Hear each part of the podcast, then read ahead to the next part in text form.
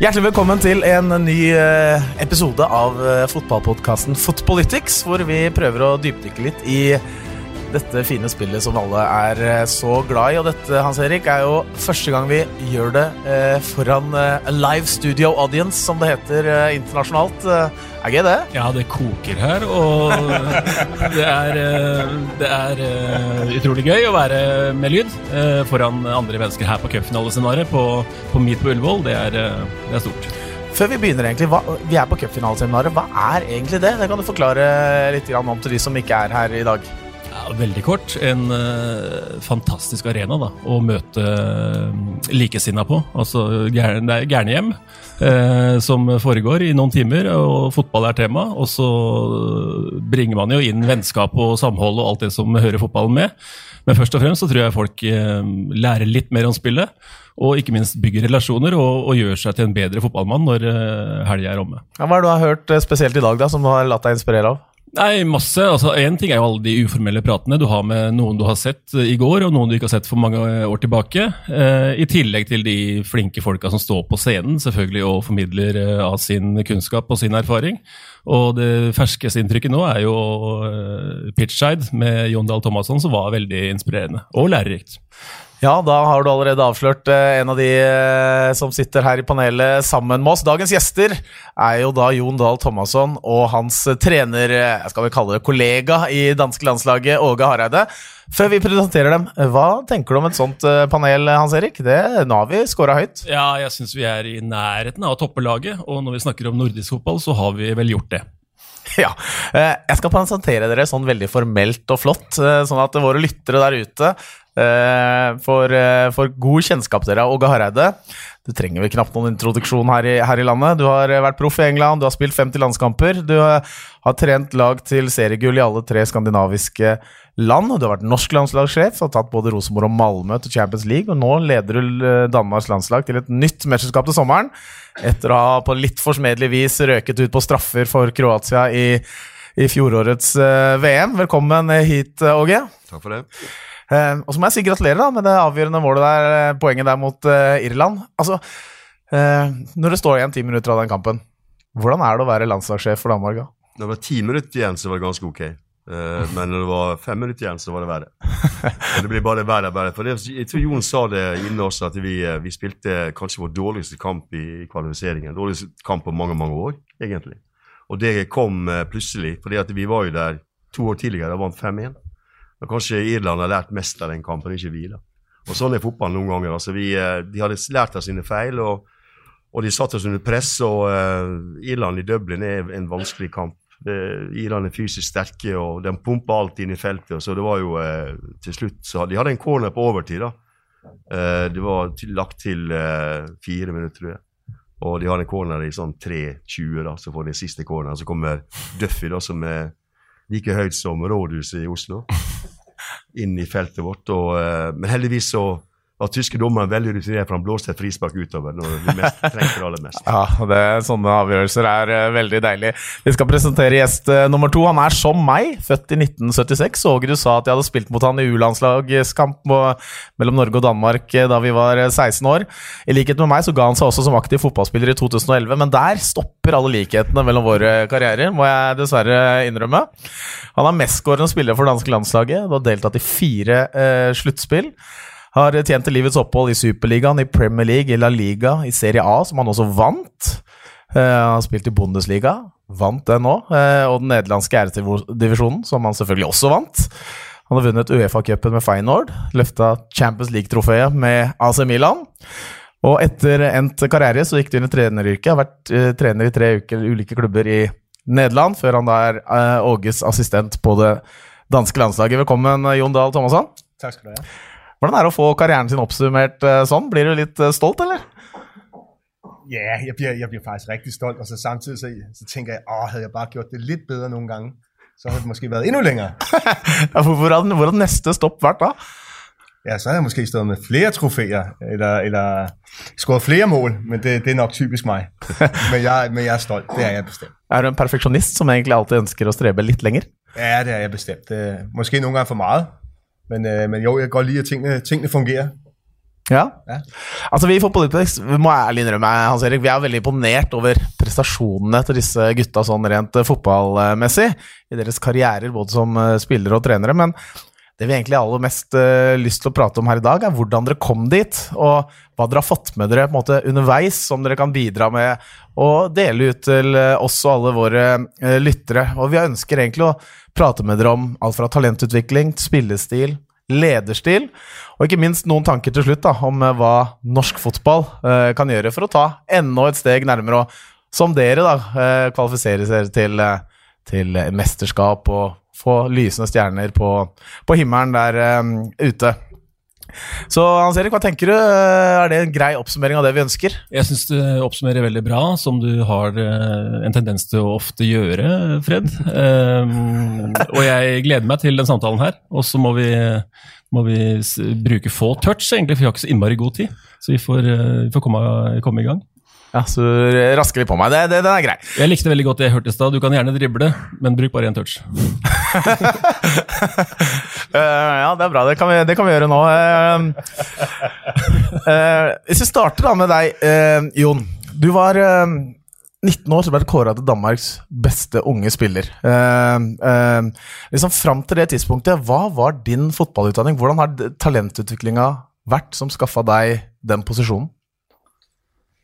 Jamen, jeg var, jeg var lidt atypisk i forhold til rigtig mange unge, unge, unge spillere. Jeg, jeg spillede ret hurtigt på seniorplan, altså med de voksne.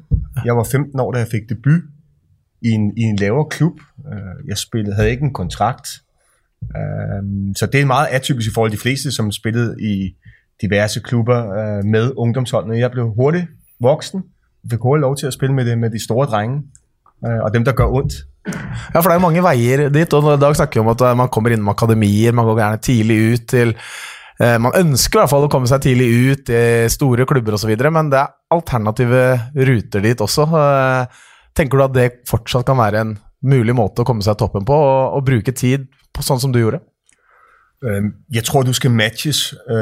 Så er det lige meget, hvordan du blir matchet. Men, men om det er det ene eller det andet, det er underordnet. Men det å bli matchet på høyt niveau er vigtig for din udvikling. Og jeg vil altid sige, kan man komme udlands, jeg flyttede selv til Holland som 18-årig, så skal man gøre det. Øh, Niveauet er bedre. De fleste klubber, man skal selvfølgelig gøre sig nogle fornuftige valg. Hvor tager man hen? Har de en plan med mig?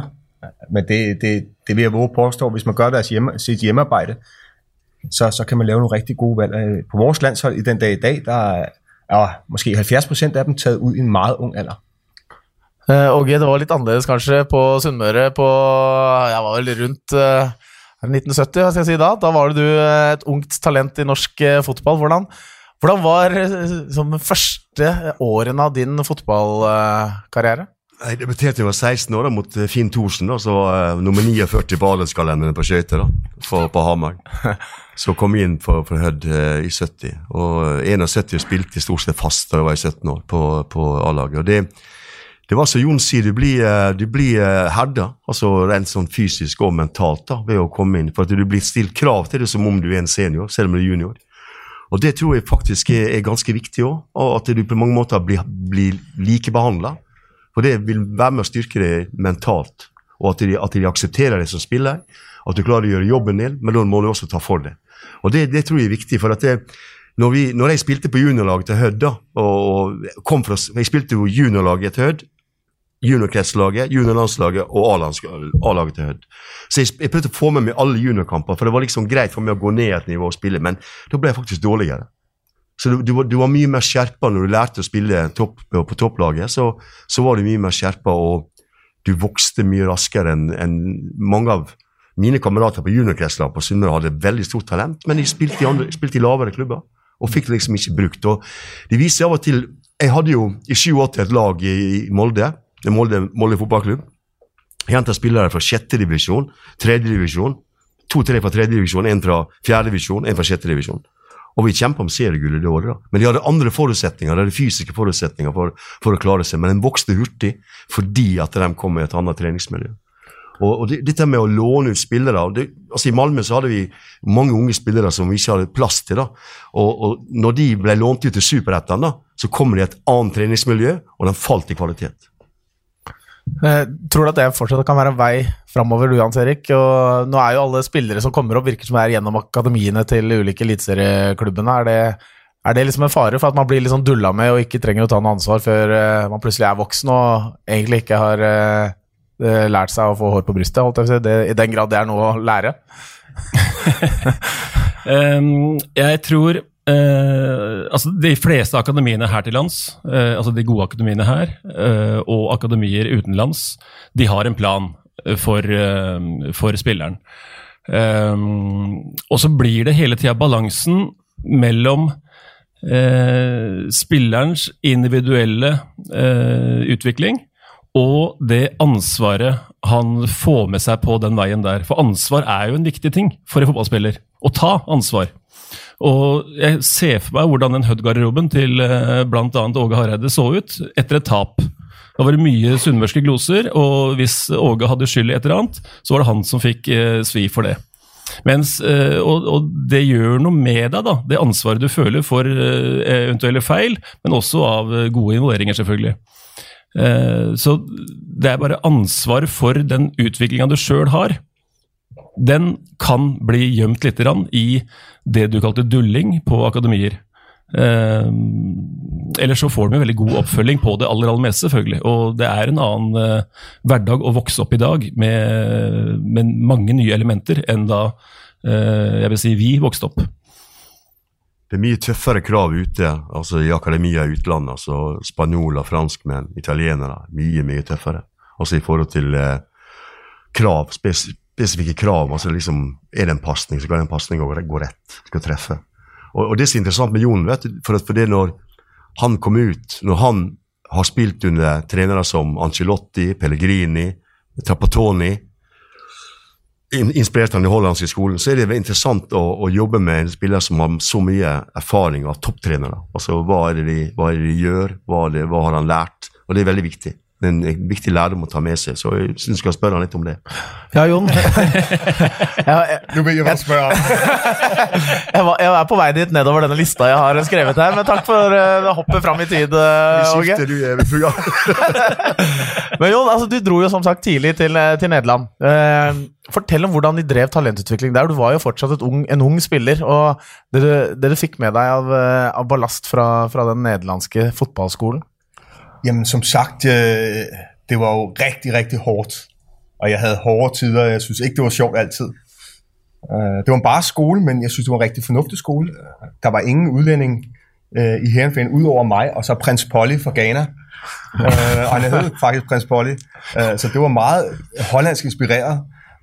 og det var, det, var, det var en hård skole men det var, altså, klarer du den, så bliver du bedre af den. Men jeg synes, træneren for Peter Haren, som var en, en, en legende i Holland, øh, jeg synes, noget jeg har taget til mig også, jeg synes, jeg prøvede at få, og jeg skulle følge mig hjemme med det samme.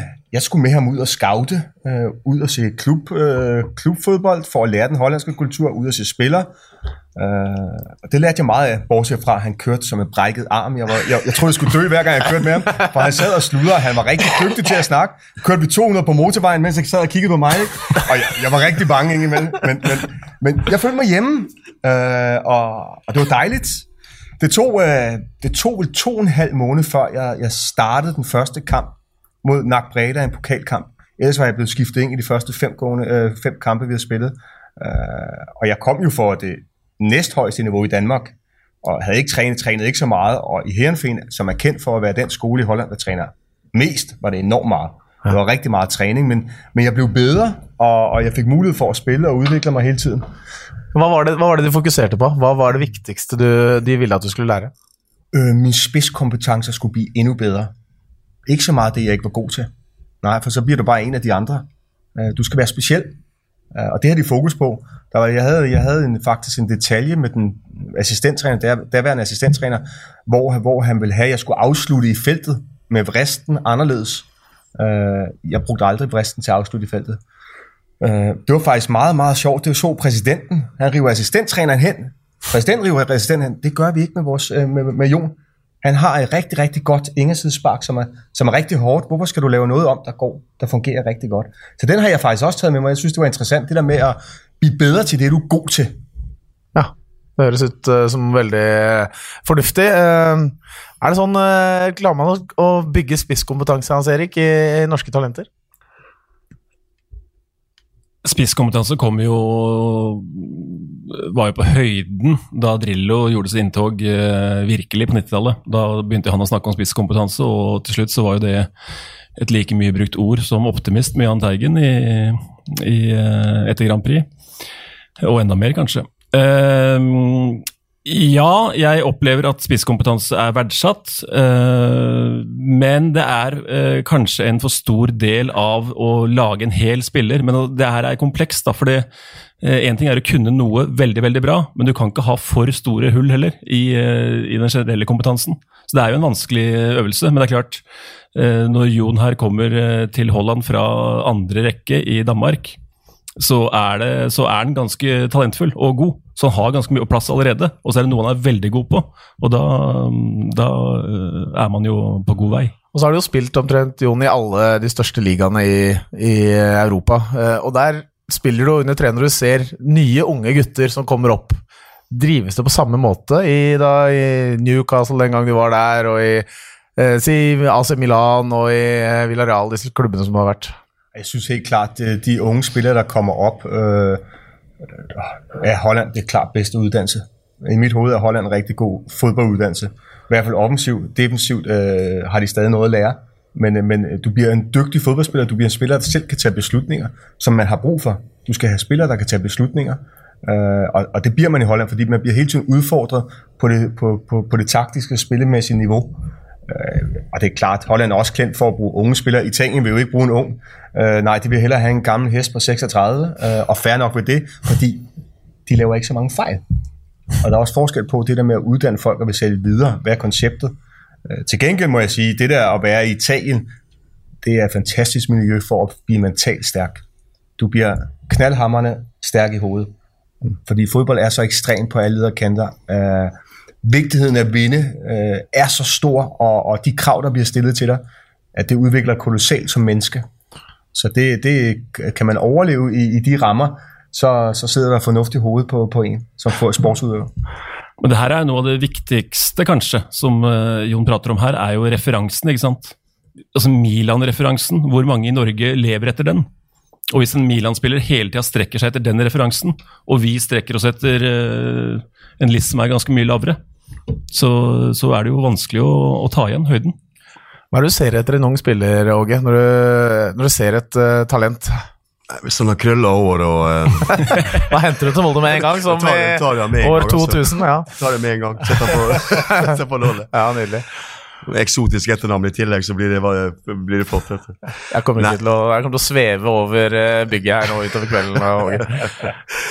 Nei, det, altså det var veldig interessant å ha U16-landslaget. fordi at det, vi hadde jo, Du kan jo selv huske hvem som var der, og hvem, hvem du spilte med. og Du hadde jo Torstein Helstad der, og Martin Andresen var der. og Det var mange gode spillere. Steffen Iversen. Steffen Iversen var der, Mange gode spillere. og Det, det var interessant å se hvordan de, de utviklet seg. og Det var noen som bare forsvant, som var veldig dyktige som, som ung. Og, og sånn utvikler jeg som menneske. Og, men, men, de som vil noe med fotballen sin, de, de blir alltid gode. Og, og de, de, får noe ut av karrieren. men det er vanskelig å, å, ta et norsk kode og så omdanne det til et italiensk kode. da. For da må du liksom, du må være der. Du må være i kulturen, du må føle på det for å få den mentale styrken som Jon, Jon snakka om. da. Og Det, det er jo derfor jeg, jeg, pleier alltid å pirke bort Jon Dahl Thomassen og snakke om 2005 og Champions League-finalen. Han blir alltid morsk når jeg nevner den. da, liksom. Hva skjedde der? Jeg gikk og slo plenen på 3-0 til eh, Milan. altså. Fordi at italienerne gir seg fra seg en 3-0-ledelse. Og, og, og, og, dette er jo et sånt mysterium, altså for, fordi at det er noe italienerne setter sin ære i stedet for å spille til null. altså. men, men, det er en annen vurdering. Hvis vi spiller 0-0 i Danmark, så blir vi utskjelt. Uansett om vi er Brasil eller Argentina. Men 0-0 i Italia, så er du en hedersmann, altså. For da har du holdt null. ja, og, det, og det er jo det som er interessant å snakke med Jon om om disse forskjellige kulturene. altså Spania har sittet og har hatt argentinsk trener, har hatt italiensk trener. Eh, Trappatoni fra den gamle skolen i Milan. Eh, han har vært i England og kjent på det, som jeg også vet. Jeg, jeg spilte jo mot dem som trente Jon der, Kennedy Dalglish. Hva, hva, hva, hva, slags type var han, da? Altså Trener hadde han Newcastle. og det er jo du får litt sånn skrekkhistorie når du hører litt eh, hva forskjellen på disse forskjellige nasjonene. Altså. Det er jo interessant. Men så er vi tilbake til Helenfinn, der han faktisk eh, spilte sammen med en eh, eks-Hud-spiller der. da. Og Det er ganske interessant. Eks-Hud-spiller? Ja, Du klarer ikke å ta den quiz opp, midt oppi der, så plutselig får du en quiz. Ja, det, det, var, det var vanskelig, altså. Men uh, jeg kan jo bare uh, Så jeg får begynne å ramse opp. Jeg tipper André Nevstad. Nei, han var i Molde, han var ikke i Heerenveen. Nei, det var eneste sjansen jeg ga. Børre Meinseth. Ah, ja, nei, den hadde jeg ikke kommet på. det var et langskudd i så fall, men uh, sånn er det. Men når vi snakker om ulike spillestiler og kulturer, da, uh, så har jo, uh, i hvert fall i Danmark, norsk fotballkultur vært gjenstand for litt humor, man kan si det sånn. Den sexy mot den danske fotballen mot den sånn fjellape langballdrillo-fotballen her. Er det en myte òg, eller hvordan ses norsk fotball på i Danmark? Det, det er jo først fra journalistene. Altså, jeg, tror det, jeg tror ikke en vanlig danske er så veldig opptatt av det. Han er opptatt av resultatet, at vi vinner kamper. Men journalistene er på mange måter De fortsetter bare den tiraden på det at det, de, skal, de, skal, ha en finere fotball. da. Om de da mener fotballen eller spillet, det vet jeg ikke. Jeg tror ikke han vet selv heller. Fordi at det, de kan gjerne få en finere fotball, men det er en annen type ball. Men, men, eh, men, eh, altså, om det blir noe mer bedre resultat på å spille finere fotball, jeg er litt usikker på det. Og, og det, er den, det er jo der dette her er så, så merkelig. for at det, nå har vi hentet, henta en norsk trener som har vært i, i Malmö og har vært i, i, i Rosenborg. De har spilt på forskjellige måter overalt ut ifra det materialet jeg har hatt. Og så, henter jeg inn en assistenttrener som har internasjonal erfaring både som spiller og i forskjellige nasjoner. Som har faktisk vunnet noe i de forskjellige nasjonene. Og så har med seg den ballasten inn da, til de danske landslagene. Nøyaktig det som vi ville ha. Og så blir en sånn eh, Svenskene kaller det bollplank. altså, og jeg sier at Det blir en ekstremt god diskusjonspartner for meg. Eh, og med Jon med sin bakgrunn og sin arbeidslyst og sin lyst til å, å, gjøre ting riktig og godt, så blir det fantastisk. Og, og, det er jo det som er årsaken til at vi har gjort det godt. Det er jo det samarbeidet med oss to og den miksen vi har gjort av type, av type spillere. Den miksen vi gjør på banen. Det å lære forsvaret som var inne på her, i restforsvaret. Det å stå rett, det å arbeide hardt. Vi løper mest av alle. Vi løper åtte kilometer mer enn Sveits. Og vi, vi, kunne lese på, på, på målinger tidligere at Sveits de siste ti minutter så står de stille. Av en eller annen merkelig grunn. Så, så slipper de inn mål i, alle, i siste minutt. Det gjorde de nå. Og det gjorde de i Sveits da vi henta dem 3-0. Akkurat det samme skjedde med dem nå. De, de, gikk ned, og vi gikk opp. Så, så, det er jo det som gjør at vi, vi får resultat. Det er jo det nettopp vi tar med oss det beste fra forskjellige steder vi har vært. Og det gjør jeg også ut fra min erfaring som, som trener. Så, så kan vi bygge noe som på mange måter vi begge to har tro på? da? Får vi diskutere oss fram til løsningene sammen. Det var veldig inspirerende å stå der inne for de som ikke var her til stede eh, i dag. Men for oss som var her, så så vi akkurat og hørte på at du hadde en, eh, en halvtimes gjennomgang av, av, hvordan dansk spillestil og offaktiv spillestil er, eh, Jon Dahl. Eh, beskriv eh, for oss litt hva som er essensen i danske, det danske landslagets spillestil offensivt. Øh, ja, det vil jeg meget gerne. Det er jo, det er jo først og fremmest å posisjonere oss rigtig mange spillere i midten av banen. Øh, det er utgangspunktet, fundamentet i det hele. Have nok spillere i midten av banen. Du vil altid have flere, flere spillere end dine modstandere. Øh, det er der, mister man bolden, der vil vi score mål. Hvis du mister bolden centralt i banen, der har vi flere folk til at kunne lave et genpres. Vi vil gerne være fleksibelt øh, i vores, specielt i fire forreste, i, i deres bevægelsemønster. De må bevæge sig, hvor de vil. Det, det er nok ikke alle, der, der, vil, der vil synes, det er godt. Det synes vi. Det passer. Det fungerer godt. Vi vil ikke bruge vores bakker, som jeg sagde, øh, først i den sidste fase. De skal holde bredden i vores spil og sørge for, at modstanderen skal hensyn til, tage hensyn til dem. Men det er jo et ja, positionsafleveringsspil, kalder jeg det, fordi vi dribler ikke forbi folk. Vi afleverer bolden igennem forbi led. Og det kan være en høj bold, det er forbi led, men det kan også være igennem kæderne. Uh, så det er mere sådan, udgangspunktet er faktisk rigtig mange folk i banen, Sæt gerne bolden på spil. Også. Der er mange, der vil sige, øh, for eksempel sidder i tv, når vi har spillet en kamp og siger, ah, nu mister de den dumme bold igen. Og vi sier tværtimod. Ja, det var det, vi ville. Ja, for det, det, det var litt overraskende. Altså, en dansk fotballkultur som vi, vi, her ser på som en sånn veldig ballbesittende, vi vil beholde den for enhver pris. Så tenker dere i deres spilletid at det er veldig greit å vinne, for at vi er posisjonert til å gjenvinne, og det er da eh, vi skaper de største sjansene våre. Eh, Hvordan forklarer man det til en, eh, til en av spillerne dine, Kristian Eriksen? Du er veldig god til å slå pasninger, men slå den til motstanderen av og til? Er det fordi vi trenger at du mister den? Slå den til motstanderen, så spiller du næste gang, ja. ja det, det, vi, vi, gør det jo, vi gør det, altså, som I har sett i, i presentasjonen, der, vi, vi visualiserer tingene, vi viser dem på klippene, og, og vi har jo ikke ret mye tid, når vi er samlet, så vi tar oss ut og besøger spillerne, og så snakker vi alle sånne ting igjennom. vores principper, øh, hvad, hvad, hvad de også synes øh, er godt, og hvad der ikke fungerer. Fordi det er trods alt dem, der skal, øh, der skal, der skal gøre det på banen. Så det er vi meget bevidste om, og, og, og det er en del af det hele. Øh, det er derfor, jeg hele tiden snakker om, at vi skal udvikle spillere, der selv kan tage en beslutning, der er kloge. Jeg hader dumme spillere. uh, godt jeg ikke spilte under deg, det var godt jeg spilte under deg, da, for du liker dumme spillere, okay, Men, men uh, Du, eh, når eh, Jon gikk gjennom dette her for oss eh, som var her i stad, så, så, den spillestilen som han, for, han forklarte at dere benytter, hvordan har den dukka opp og blitt en del, eller blitt deres spillestil? Dukka opp i, i, forhold til altså, nå, nå, har jeg spilt 4-3-3 på, på, på, forskjellige måter. På, på den rosenborgske måte. Når, kom, når, jeg kom til Rosenborg i 2003, så gjorde jeg bare én ting. Jeg uh, forandra hjempresset. Jeg tok bort Ben Skammelsrud som jeg syns har blitt for gammel og bevegde seg for litt for sakte. Og så flytta Ørjan Berg inn i hans posisjon. Og Ørjan Berg beveger seg mye hurtigere. Og han ble årets spiller det året, og han gjorde det så godt. Han, Spesielt i gjenvinning så kunne han hugge løs på, på alle og vant igjen ballen. Og Det var et, viktig moment i, i Rosenborgs spill det året. For vi vant igjen ball gunstig veldig mange, mange kamper og, og utnytta det. Så Rosenborgs spill altså Mange kjente til indreløper, løper, bekkene høyt i banen kanten inn, Brattbakk inn, Vinsnes rundt, Stensås rundt, innlegg. Fantastisk spill. Men hva skjedde hvis vi mista ballen sentralt i banen? Så Året før så holdt Ros på å miste mesterskapet til Lyn, da. altså i 2002. Lyn leda jo nesten hele sesongen. Så ansatte de en gymnastikklærer istedenfor en trener, og så røyk de. Og, og, eh, og, og da var det viktig for oss å jobbe med det momentet, å vinne igjen ball hurtig. Og det har jeg, har jeg følt med meg hele tida. Malmö så spilte vi også veldig aggressivt og måtte lære oss det i Europa. For at det, vi møtte lag som ville spille ballen inn. Og Red Bull Salzburg i, i, uh, i, play, i første playoff-kamp uh, rundspilte oss fordi vi ikke hadde nok folk sentralt i banen defensivt. Så la vi om og spilte 5-3-2 hjemme og så lokka de til å spille inn, og da hadde vi nok folk til å vinne igjen ballen. Og da ble vi farlige. Så alle disse momentene har slått meg hele tida til overgangsspillet vårt. De, dagens fotball er slik at det, det, er da du får hull, det er da du får plass. Mot etablert er det vanskelig å skape noe. Vi kan gjøre det for å prøve å lokke dem ut av posisjoner, men vi ser når lag senker seg veldig lavt i 16-meteren Vi ser på Manchester City.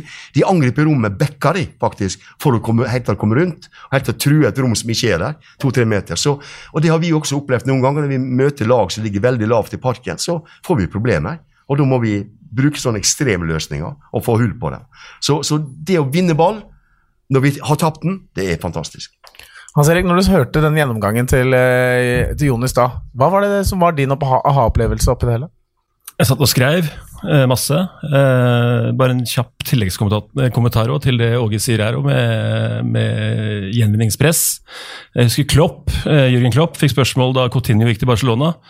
Skal dere erstatte eh, den tieren med en annen tier? Og så sier han nei, vi har tier, vi. GG-presset vårt er tieren vår. For det er det han som åpner mest muligheter for oss. Eh, nei, altså, jeg skrev masse Jeg liker jo veldig godt tankegangen eh, dems når de kommer til å dele laget i oppspillingsfasen. Og, det må du forklare litt til våre lyttere. At noen har ansvaret for eh, første fase i angrepsspillet eh, gjennom sin posisjon, og at de lengst framme, altså andre halvparten av laget, dem skaper plass til å kunne erobre i neste fase igjen. da. Det er en spennende måte. Og da vil jeg jo tro, uten at du sa det helt presist i stad, at uh, det handler litt om motstand nå. Altså hvor er det romma oppstår hos de og de motstanderne. Og så er prinsippene er i bånn, og så er det litt avhengig av hvor motstandere gir fra seg uh, space. Og Det er en spennende og det er en utrolig morsom sånn trenermåte å jobbe på. da. Det skal sies. Forklar dette med å dele laget, Jon. Jamen, dele, dele holdet, jeg synes du forklarer det riktig fint. Øh, det er jo egentlig for å lokke motstanderne frem. Øh, ha et stille og roligt kontrollert uttrykk, dvs. vil sige bygge spillet Vel velvidende om, at du lokker motstanderne frem, og du, skulle du tage bolden, har du nok bag bolden også. Mm. Men det der med, at angriberne, eller de fire forreste, de, som du sagde, som du selv har set rigtig fint, at de skaber pladsen, ja, den plads kommer næsten altid, hvis det er et hold, der sætter under, der er under pres. Men hvis de ikke sætter under pres, så bruger vi de firkanter, jeg snakkede om. Mm-hmm. Så kan vi ikke bruge det. Det er helt enig. Mm-hmm. Helt enig. Det kan ikke bruges. Men det er en god måde at kontrollere kampene på, fordi de der kampe, øh, jeg, jeg har spillet mange kampe, nu har jeg været med som træner. På det højeste plan bliver kampene åbnet efter 60 minutter. De helt store kampe sker det først efter 60 minutter. Mm. Øh, så siger jeg altid, stay in the game. Du skal ikke tabe kampen, du skal være fornuftig. Og det er en god måde at massere dem lidt på, mm. øh, og, og have tålmodighed. Og de der 60 minutter, det, det, det er en klassiker, de store kampe. Vi så det og set det gang på gang til slutrunden. Øh, og, og, også nu, har jeg, nu, nu så jeg blandt andet for eksempel, vi har et Brøndby, som er dansk hold her i, i, i playoffen til Europa. Det står 2-2 i 90. minut. De satte sig hele biksen i den første kamp. De tager 4-2. Mm. Ja, der er stadig to halvleje at spille. Mm. Mm. Ja, stay in the game. Mm. Man skal blive i kampen, og det, og det er egentlig også en ganske almindelig klubkamp. Mm. Okay. Jeg sier Det er lettere å gjøre det altså, når, når, når, folk uh, har sånn klassisk sonemarkering, eller mannsmarkering, så er det lettere å lokke dem ut av posisjon med å dele holdet. Og det er veldig viktig. Altså, det kan være eh, mot enkelte sonelag, men selv, selv, der, mot enkelte soneforsvar, så, så, klarer vi å, å, skape de rommene med de bevegelsene vi gjør. Altså, blir, hvis du ikke følger de midtbanespillerne som faller lavt i banen, så kan vi bruke dem spillemessig. Hvis de bare står og stå lavt med to firere, f.eks. Og så må vi spille oss rundt to angripere som presser. og Det er, enda, det er jo enda lettere, egentlig. Da bruker vi de dynamiske firkantene når de, når de ligger seg lavt. Og, og, men hvis de går solmarkerer og går efter, som Irland og Wales og Wales aldri, fant aldri ut av det når vi spilte Nations League mot dem, eh, at vi, når vi delte lag. Og de spillere som spilte på samme lag i England, kommenterte etterpå at de fant det vanskelig. Jamen det er præcis, hvad Aarhus siger i forhold til for eksempel zone. Der gør vi jo også tit øh, det, hvor vi lader kanterne vandre helt modsat. Ja, så vil du altid få en overtagssituation modsat. Øh, fordi modstanderen spiller i zone, og så er det bare at spille den ind mellem kæderne. Og nu siger jeg bare, det er jo også fordi, det er dygtige spillere. Men vi har også den tilgang til tingene. De må godt lave fejl. Altså, de, de bliver ikke skudt, hvis de laver fejl. Overhovedet ikke tværtimod. Så den der med en, en, en modsat kant vandre helt over i den anden side, Øh, det klip, jeg viste, hvor, hvor Josef Poulsen, som var højre ving i udgangspunkt, ender som venstre bak. Ja, det er fair nok. Det er fint. Du, du, du, sa at liksom dere har eh, noen rammer dere spiller innenfor, men ellers, som du sier nå, at eh, høyre kanten kan spille, ende opp på venstre bekk. Eh, hva, hva, er disse rammene som, de, som spillerne egentlig strengt tatt du ønsker å ha de til å forholde seg til? Det er jo det, det er for, for, for, for oss er det et stort posisjonsspill når vi har bolden. Og, og det, der, det, der er vigtigt, det er at skabe nye rum. Og hvordan skaber man nye rum i forhold til, til, til, til modstanderne? Ja, det er at lade dem til at lave et valg. Og det er for eksempel derfor, vi vandrer i banen. Ja, så skal modstanderne lave et nyt valg, og så opstår der en ny situation. Uh, og så kommer jeg tilbage, det er jo, vi er jo også heldige, at vi har dygtige spillere, der kan tage egen beslutninger. Men de fire forreste i realiteten, de må bevæge sig, hvor de vil. Det er også viktig Freddy, å, å si at hvis Josip Paulsen kommer over på venstre side og hvis, eh, hvis Martin Braithwaite, som spiller venstrekant, ikke er der, at han er en annen plass, så må vi falle ned på, når vi faller ned i rammen hvis vi mister presset. da, så må Paulsen ned som venstrekant og Braithwaite ned der han, der han, faktisk er. Hvis midtbanespillere havner ut til høyre, så faller vi ned i, i to firere så hurtig som mulig når vi mister presset. Og Da må du bare gjøre det i den posisjonen du er. og så, vi har jo noen, Etter noen, etter noen eh, dødballer imot, så har vi endte opp med at venstreback, høyrebekken er venstreback og, venstreback er høyreback da, når vi kommer ut fra forsvaret igjen. Men i det øyeblikket må du klare den posisjonen til, det får skifte. At du bare står rett posisjon, står riktig. Og Det, det også jobber vi med. fordi at I shadowen da, så, så, vil det være sånn at hvis vi mister ball og, og vi forsøker å overbelaste ei side, så får vi to mot én. Men så hvis det da blir spilt ut, så må vi ned, nærmest kortest vei ned i, i ramma for å, for å, stå riktig. Dere skal jo neste sommer møte eh, Finland, dere skal møte Belgia, eh, Russland i, i eh, EM. Eh, spiller dere på samme måte uavhengig om dere møter stjernene på, på, Belgia, eller om det er Finland hvor dere kanskje er eh, favoritter? da? Ja, altså, eh, Hvis vi skal lykkes i EM, så må vi slå Finland i første åpningskampen, det vet vi. Og Han har, han har vært i en del sluttspill, han sier at åpningskampen er alfa og mega. Han har også vært i og opplevd sluttspill, kanskje EM, da, som har vært helt elendig. Både EM og VM. EM og VM, ja. Men, men, men så har han også opplevd det motsatte, da, med, med VM eh, og, som, som, og, EM som har vært lykkere. Jeg så faktisk kampen mellom Norge og Sverige Danmark, eh, nei, Norge og Danmark, nei, Sverige og Danmark, mener jeg, i Portugal i 2004. 2-2. Der italienerne ble slått ut av den, en, en gruppen der. Med avtalt spilt. Og Jon spilte i Milan, da, så de var sikkert veldig glad i han. Altså. Hvordan var det å komme tilbake eh, på klubblaget etter det? Uh, ja, de, snakket faktisk om det i årevis derefter. At hvis jeg den dag, når Ove og jeg tager ned og besøger spillerne i Italien, så, så kan de finde på at rive den kamp frem. uh, men det er jo bare fordi, det ligger så tæt på deres tankegang, fordi havde det været italienerne, så havde den kamp endt sådan. Men jeg kan også huske, da, da, da jeg snakkede med, for eksempel med Pirlo om det bagefter, at vi blev også nødt til at flytte fokus over på vores fiasko. Så det var derfor det vi sagde avtagspil med det samme. Men ingen kan, jo, da, man kan kanskje avtale at Zlatan tar en hæl opp i Nej, det synes jeg heller ikke, men, men det, det, det synes italienerne, og, de, og de, det lykkes meget godt med det. Ja, det, det gjør det. Uh, Men uh, litt mer om spillestil Danmark, da. Nå har det gått 34 kamper uten tap. Det er uh, høyst sjeldent skjer i all type fotball. Em, så er det et godt angrepsspill som eh, selvfølgelig ligger til grunn, men eh, det er vel også et decent forsvarsspill. Hva er, eh, hva er clouene i det danske forsvarsspillet? det er jo, det er jo først og fremst det hjempresset vårt som har blitt eh, betraktelig bedre enn det som har vært, vært tidligere. Altså Det forbedrer seg hele veien. og det, det er fordi vi har alltid posisjonsspill og hjempress med i alle treningene våre. Det er en del av treningene våre. og det som Jon sier, at det, vi, vi, vi jobber med det fordi at vi vil ha ballen inn dit, og vi vil, vi vil miste den. Og hvis de skulle miste den, så skal den gjenvinnes. Og vi måler tida i sekund. Og vi, vi, vi filmer jo alle treninger, så vi kan måle i sekund hvor lang tid det går før vi vinner igjen ballen. Og Det er et spesifikt krav. og satt, Jeg og hun satt i sted og diskuterte en av våre spillere som, som vi syns reagerer for sakte. Han, han, han, han har mistet litt av det, det han hadde tidligere i forhold til antritt og inn i press. Vi har hatt spillere fra Premier League som er kommet på trening med oss. og og ikke vært dyktig på hjem, hjempress, fordi at det, det, er ikke, det er ikke prioritert nok i, klubben han spiller i. Og da kan ikke vi bruke ham. Selv om han er en dyktig spiller på ball, så kan ikke vi bruke ham hvis han ikke klarer det hjempresset. Det er uh, veldig spennende å høre hvordan, uh, hvordan dere tenker i disse, disse ulike scenarioene og delene av, uh, av spillet. Vi skal, eh, Med mindre du vil snakke litt mer om spillestil, Hans Erik? Ja, også når gjenvinningspresset ikke fungerer, da, og dere skal spille etablert forsvar. Hva, hva er prinsippene da? For jeg har sett nemlig han Christensen løpe etter folk. Ja. Altså, eh, det, det, det er en farlig Sveits gjorde det mot oss eh, noen ganger. Spil, vi står høyt ned bakre fire. Og hvis ikke vi får festa presset, så kan Hvis de har gode pasningsspillere bak i laget, så kan de legge baller inn bak oss.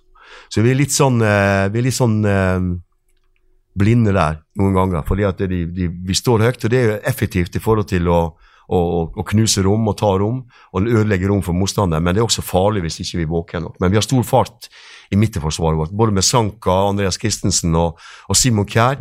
De løper veldig veldig hurtig. Og bekkene våre er hurtige. Og det gjør at vi våger å stå høyt. Og det er klart, når du, når du har raske forsvarsspillere, så kan du stå høyere. Men mister vi presset opp i banen, så skal vi egentlig ned. Og mot Frankrike så Der vi skulle ha ett poeng, så lå vi veldig lavt. og Da, da la vi bare spissen vår ned på defensiv midt på Frankrike og eh, ned på bue på egen halvdel, og så er vi kompakte i fire. Men da var Christensen eh, veldig nær Grismann hele tiden, Ja. var han ikke det? Ja. Han, han, han skulle stenge det rommet som Grismann alltid møter opp i og, og vandrer for rundt Giroud. Så det, det er liksom Vi, tok, vi forsøkte å ta ut Grismann og så uh, ta ut De hadde ikke på MPP før senere i kampen, men, men det er klart at de er veldig sterke én mot én, rettvendt på sidene. Altså, Du må ha skikkelig Ferrari for å følge MPP altså, eh. Spørs om det, spørs om det holder da. Altså, vi kan gå litt over fra spillestil til hvordan, hvordan dere er som ledere. Trenere skal lede et lag eh, nå etter hvert ut i et nytt mesterskap. Eh, Dere har jo hatt mange trenere begge to opp igjennom, fra Køge til AC Milan, ikke sant? fra Hødd og til Manchester City, Åge. Um, hvis vi starter med deg, Hvilke kvaliteter har du tatt med deg fra trenere du har hatt tidligere, som du har eh, tatt med deg som trener nå, Jon? Jeg har faktisk taget noe med for hver enkelt trener. Jeg har haft de, de store, som sagt, jeg har haft uh, Trapattoni, Ancelotti, Pellerini, Berfa Marwijk, Morten Olsen. Uh, og, og faktisk er der, for hver enkelt har jeg taget noe med. Der er noen der har- vært været riktig dygtige til mannskapspleien. Knapt så dyktige på banen, Uh, taktisk måske ikke dyktige, men, men det der med å, få alle snuder til at gå den samme vej, det har det været fremragende til. Så det har jeg altid taget, taget med og, og, og lært meget af faktisk også. Jeg, jeg var jo anfører for Dansk Landshold 36 kampe, øh, så der har jeg også været med på rød i gamle dage. jeg tror også, det er vigtigt, at man tager, tager spillerne med på rød, når nu snakker vi landsholdsfodbold, også afhængig af kvaliteten og deres, og deres kompetence. Men det er trods alt dem, der skal udføre det. Altså, du, du, når du spiller med spillere som Altså I det gamle Milan-laget ditt, f.eks., med Pirlo og, og Nesta og, altså, jeg, jeg prøvde å se gjennom det laget i stad. Det var jo bare verdensstjerner. Rivaldo, Insagi, alle.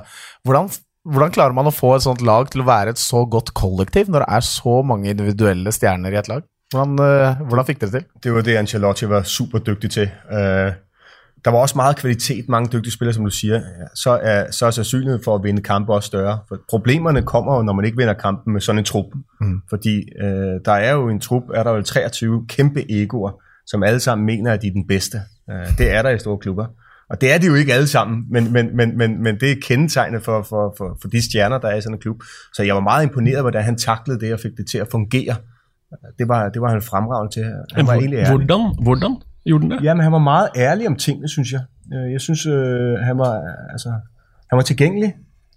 Han var, han var ærlig. Han kunne tage, tage, tage, tage en sludder med spillerne, øh, og, og egentlig meget, meget ærlig om selve situationen. Ja, du mangler måske lidt. Nu vælger jeg frem for det og det. Hold dig klar på det tidspunkt, der skal du spille. Mm. Uh, så det er jo noget management, han er ude i. Og, og, og, og som sagt, så kommer jeg igen tilbage til, så længe du vinder, så er alt let. Og det gjorde vi jo meget, fordi Øh, de gange, hvor, hvor der var krise, så er der rigtig krise i Italien. Og så hjælper det jo ikke noget med sådan en forklaring. Men jeg synes, jeg synes undervejs i sin karriere, i, i Ancelottis karriere, synes jeg også, det er kendetegnet. Det, den mandskabspleje. Ærlig, godt menneske egentlig. Mm. Og ja, av alle trenerne du har hatt opp igjennom, da, eh, hva har forma deg mest til den treneren du er i dag? Eh, det tror jeg Nils Arne Eggen har gjort. Altså, det er i hvert fall han som inspirert meg aller mest da, uh, som, som, trener i forhold til måten han vil spille fotball på. Da. Men de har så forskjellige ting. Altså, Vi har en manager i England. du, han, han, eh, han, han, sa alltid 'if I die', så han visste ikke det engang. Altså. Så, så det, er jo, det, er jo litt skummelt, altså. Han, sa alltid 'if I die'. Altså, lurte, han, var helt sikker på at han ikke kom til å gjøre det. altså. Og Da kan du lure på liksom, hva han satte opp på banen noen ganger.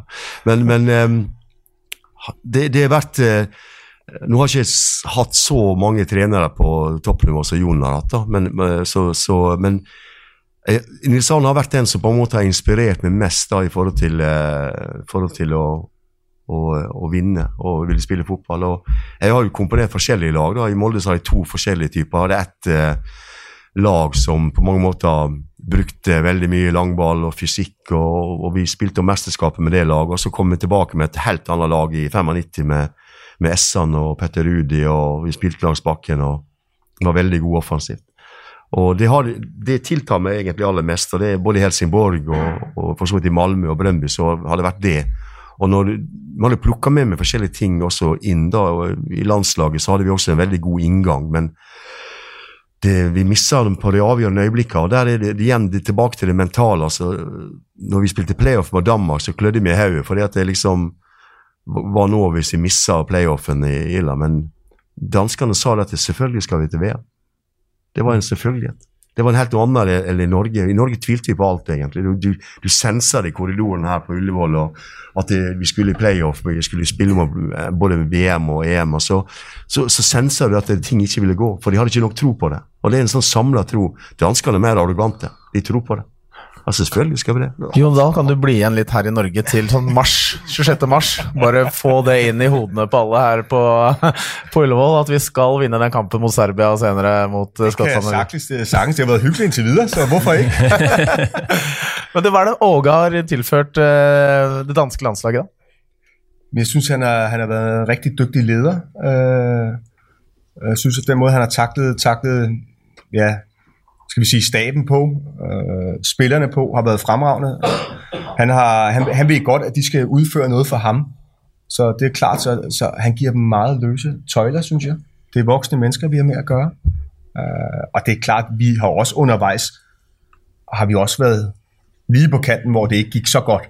Hvor vi måske kunne have mistet truppen, fordi igen kommer vi tilbage til en ting i fodbold. Vinde og det ligger så tæt op og ned hinanden. Men der har vi været dygtige og heldige, øh, men, men specielt den lederskab, det, det, det, det synes jeg, synes der er en god stemning. Folk kan lide at være sammen. Det er rigtig, rigtig vigtigt, fordi man er sammen om noget, og kæmpe mål, man vil opnå sammen. Det, det, det er de gode til. Jeg har spillet mange landskampe, og jeg har været både i gode tider, dårlige tider, øh, og, og, og lige nu oplever vi en fantastisk stemning. Og den rejse, vi har været på, er noget helt enestående. Og det er mange av våre lyttere som er uh, aspirerende trenere. Mange av de er jo allerede topptrenere i Norge også. Men hva, er, hva vil som et råd til, et lag, til, en trener som har et lag og skal klare å få de til å dra, som Jon Dahl sa, snuten i samme retning? Det er ikke alltid så lett når du eh, starter opp som trener, for du er ung og du, du har hatt kanskje en spillerkarriere bak deg og, og, eh, og på forskjellig nivå. Og, men du er veldig interessert i fotballen og veldig interessert i å sette ut dine tanker. Men det, det er ikke alltid så lett, for det materialet du har foran deg, så er kanskje ikke alltid helt tipp topp. Og det, kanskje, det er lettere hvis du kan håndtere gode spillere, håndtere egoet. Eh, så det er lettere å trene gode spillere enn en dårlige spillere. Eh, og, og, og, de som skal lære unge spillere å spille fotball, de må, de må også, også, tenke på dette prinsippet som, som vi sier at det, fotball, fotballspill er et spill som består av feil. Og du vil aldri være feilfri, og derfor er det ikke farlig å lage, å lage feil. Men du må gjøre noe etter feilen er gjort. Og, og, eh, jeg tror det handler veldig mye om, for en trener, da, det å på mange måter eh, tørre å, å, å, bruke prinsippene sine, det han tror på som, som trener. Eh, men også forsøke å plukke med seg, ta med seg det som passer i forhold til det laget han skal trene. Eh, fornuftig menneskebehandling. Hvis folk bare er fornuftige i forhold til eh, spillere som du har hatt og det er ikke noe som gleder meg mer at vi ser igjen mine tidligere spillere som jeg har hatt på forskjellige lag eller nivåer, landslag og sånne ting. Så, så jeg er bare glad for at det blir gode mennesker og klarer seg godt i livet. Det er det viktigste for meg. Og så er det viktig å ha et, et, godt kameratskap, eller opprette et godt kameratskap internt i troppen. Både, både i stab og blant spillerne. At vi har det samholdet som er viktig. For det vi, vi, vi jobber med én oppgave. For dem til å forstå at de jobber med oppgave for at vi skal ha det best mulig. Og så Noen ganger så kan vi lykkes med de aller best, og noen ganger ikke. Hans Erik, vi, vi, nærmer oss den tiden vi har hatt til rådighet her, men uh, hvis du skulle stilt noen ekstra spørsmål til gutta her, hva er det du som, som Du er jo allerede en uh, etablert trener, men uh, som en ung trener i denne sammenheng, hvordan, hva ser du som viktigst å kunne lære av disse? Ja, det viktigst, det er vanskelig. Nei, Det er jo spennende med begge to. naturligvis. Det er jo utrolig spennende typer. profiler. Åge som Eh, er jo en rollemodell for veldig mange norske trenere. selvfølgelig Har gått en lang lang vei og kjent eh, et par trykker i, i trynet og reist seg igjen og, og, blitt enda sterkere av det. Eh, men det har også vært i flere klubber, flere miljøer og, og to landslag. Hvor mye er deg idet du kommer til en, en ny plass, og hvor mye formerer du deg i, underveis? Det er det grunnleggende. altså for det aller, aller viktigste for meg er at jeg, jeg liker fotball, men jeg er ingen fotballnerd. Eh, og så er det at jeg, jeg sier liker fotball, men liker mennesker. da. Jeg utdanner revisor, da, hvis det handler bare om tall. Så det, det, kan jeg lure på noen ganger. Men, men, jeg liker mennesker. Jeg liker å se at mennesker for, uh, former seg, vokser og får det til, og blir, og, og blir så flinke som de kan bli. Og Det i seg selv er på en måte en drivkraft for meg for, med fotballen. For når du er et miljø med unge, motiverte spillere som gjerne vil bli så gode som mulig, så må du skape det miljøet. Det, skape den, den der eh, kontakten dem imellom. Tryggheten for å utvikle seg, tryggheten for å bli gode på den arenaen vi er på. Og så kan vi sammen uh, dyktiggjøre oss. Både jeg som trener, jeg og lærer dem, jeg og lærer å behandle mennesker. Det er, jo, det er jo det aller, aller viktigste, det som Jon var inne på med Angelotti. Det har også fascinert meg. for Jeg, har lest om Angelotti og lest om hans menneskebehandling, og Jon har fortalt meg om det, hvordan han kunne behandle spillere som hadde stort ego. Og det er interessant, for jeg tror det er viktig. Det er viktig å kunne behandle folk godt. For hvis du gjør det, så får du en, en god soldat. Og du får en god mann som vil gjøre tinga riktig for deg, så riktig som mulig. For en fotballtrener Det finnes en teori i ledelse som heter leading change. Og i, Som fotballtrener så er det leading change. For at når du kommer inn, så må du gjøre forandringer, små eller store, i et lag. Og Da skal du ta og kikke på John Cotter sin teori of leading change. Og Vi gjorde det når vi kom inn i, i danske landslaget. Vi opprettet en koalisjon internt i laget som vi forholdt oss til. Simon Kjær, Christian Eriksen, Kasper Schmeichel, William Quist. Som vi lanserte våre ideer til, og som hjalp oss å bringe det ut i laget. Så ble det ikke kaos eller helt nytt for alle. Det var, det var nytt for noen, men det ble liksom etablert inni en kjerne som var viktig for oss. Men først mennesker, og så spillet? Eller parallelle løp her? Nei, altså det, det, du, du har teoriene rundt spillet, hvordan du har det, men mennesket altså mennesket må behandles godt i alle sammenhenger. Jeg har aldri sett et lag fungere med der spillere blir behandla dårlig. Aldri. Og Noen ganger i, i, England så opplevde jeg den biten der, og det, jeg syntes det var fryktelig hver gang. For det var helt imot mine tankeganger og prinsipp. Altså en, en, spiller altså Nils Arne sier noe godt. Du, du kan ikke skremme en spiller til å bli god. Han prøvde. Han prøvde så godt han kunne, jeg, tror jeg. så det er noen jeg var redd for i norsk Jeg har ikke hatt han som trener engang, så er det Nils Arne Eggen. Eh, vi har jo et lite publikum med oss her, og vi åpna jo for at det kanskje skulle komme spørsmål, så hvis dere har noen, så er det bare å rekke hånda i været, så kan dere få et ord med i laget her eh, til eh, Jon og Åge. Tenk på det et sekund til vi gjør oss ferdig. Jon, dere skal ut i et EM eh, til sommeren. Eh, hva får vi se av dansk lag der? Eh, vi får forhåpentlig et, øh, et, et godt hold å se, der fungerer godt med hinanden. Fodbold ligger jo tæt op og ned hinanden, om du vinder eller ej. Vi stræber efter at vinde så meget som muligt. Men de ting, vi ønsker, at de fungerer. Og, det er jeg faktisk ikke i tvivl om, fordi uh, drengene har stor tillid til vores tanker, vi har stor tillid til dem. Så bliver det jo en fest, fordi tre kampe i København. Vi håber, at græs græstæppet er blevet lidt pænere, end det er nu, fordi pivhammeren er dårligt. Nu har jeg lige set græstæppet herinde. Det er fantastisk. Fornøjelse, men, men det, det skulle blive en folkefest, hvor vi, hvor vi leverer øh, noget for, for landet, for nationen. Det gleder vi oss til å følge. Jeg må bare si uh, helt til slutt uh, til deg, Jon. Du, du, har sett norsk fotball utenfra. Uh, og så har du jobbet med, med Åge nå en periode. Hva tenker du at norsk fotball kan lære av dansk?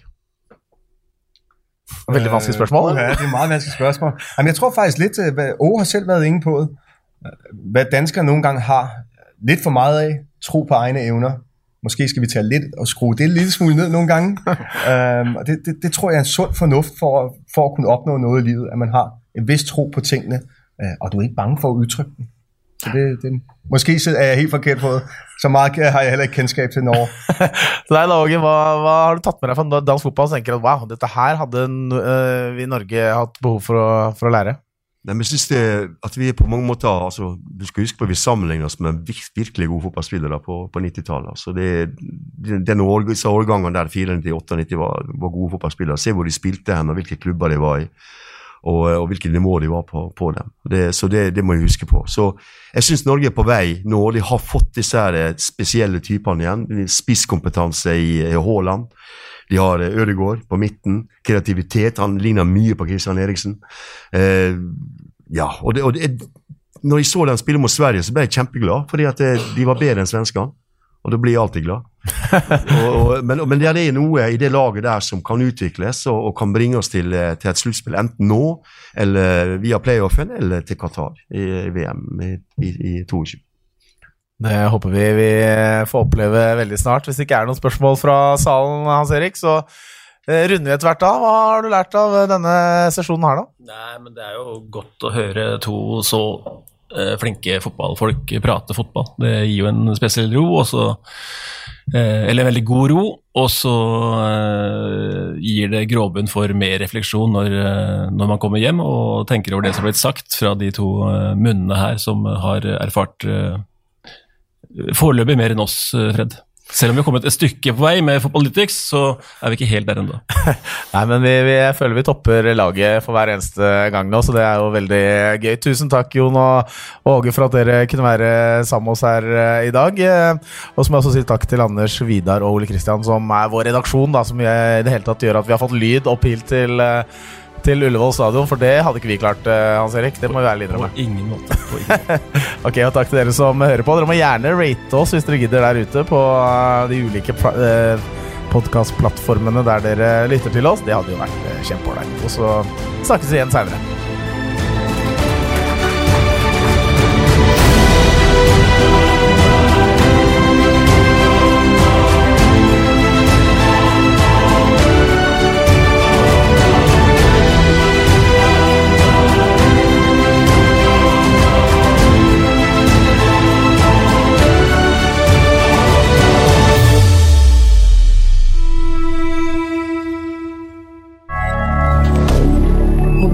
interprète